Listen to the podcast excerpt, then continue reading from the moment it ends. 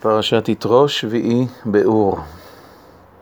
ויאמר השם אל משה כה תאמר אל בני ישראל, אתם ראיתם כי מן השמיים דיברתי עמכם, לא תעשו ניתי, אלוהי כסף, אלוהי זהב, לא תעשו לכם.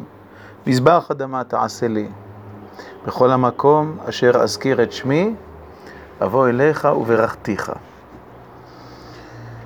משה ניגש אל הערפל אשר שם האלוקים, אחרי שעם ישראל מבקש, שלא יוסיף עוד השם לדבר איתם פן ימותו, אלא רק משה. ואנחנו עכשיו שומעים את הדברים שאמר השם למשה בערפל, מיד אחרי ההתגלות הגדולה, מיד אחרי עשרת הדיברות. ועל מה מדובר? אתם ראיתם כי מן השמיים דיברתי עמכם, ולא תעשו ניתי אלוהי כסף ואלוהי זהב לא תעשו לכם. כיצד זה קשור, וכיצד הציווי על המזבח? מזבח אדמה תעשה לי, ובכל המקום אשר אזכיר את שמי אבוא אליך וברכתיך. כיצד הם קשורים להתגלות, לעשרת הדיברות ולשמיים? עם ישראל יודע כבר שהקדוש ברוך הוא מצמצם שכינתו במקום אחד, הוא מצמצם את אינסופיותו לתוך דיבור שהאדם יכול להבין באחת מדרכי ההבנה, הנבואיות, הניסיות, שלא תמיד ידועות לנו עד הסוף.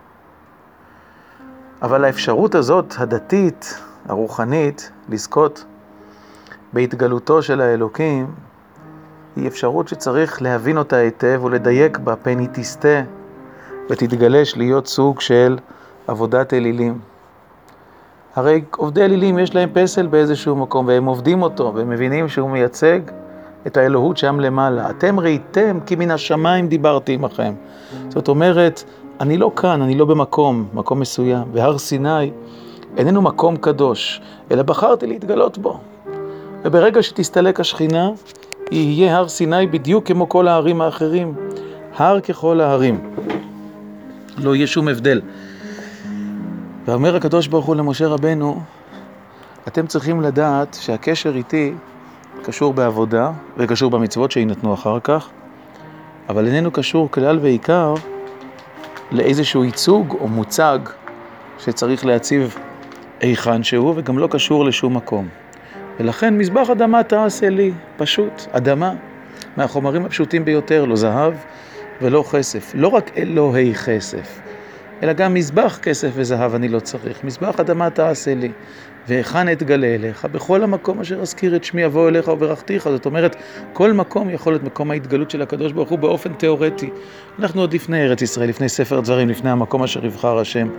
ובאמת, מצד האמת, מלוא כל הארץ כבודו, ואלית אתר פנוי מנהן מקום פנוי ממנו, ואפשר לפגוש את השם בכל מקום, בדרך הנבואה או גם בדרך העבודה, ופתיחת הלב וגילוי הלב. ולכן, ההבנה שההתגלות הזאת היא לא התגלות שאומרת שכאן המקום, או שכאן צריך לעשות איזה ייצוג אל האל, אלא שאפשר אפשר שתהיה התגלות בכל מקום. זה מה שההתגלות הזאת לימדה, כי מן השמיים דיברתי עמכם, היינו מן המעבר, מן האינסוף, התגליתי בתוך הסוף.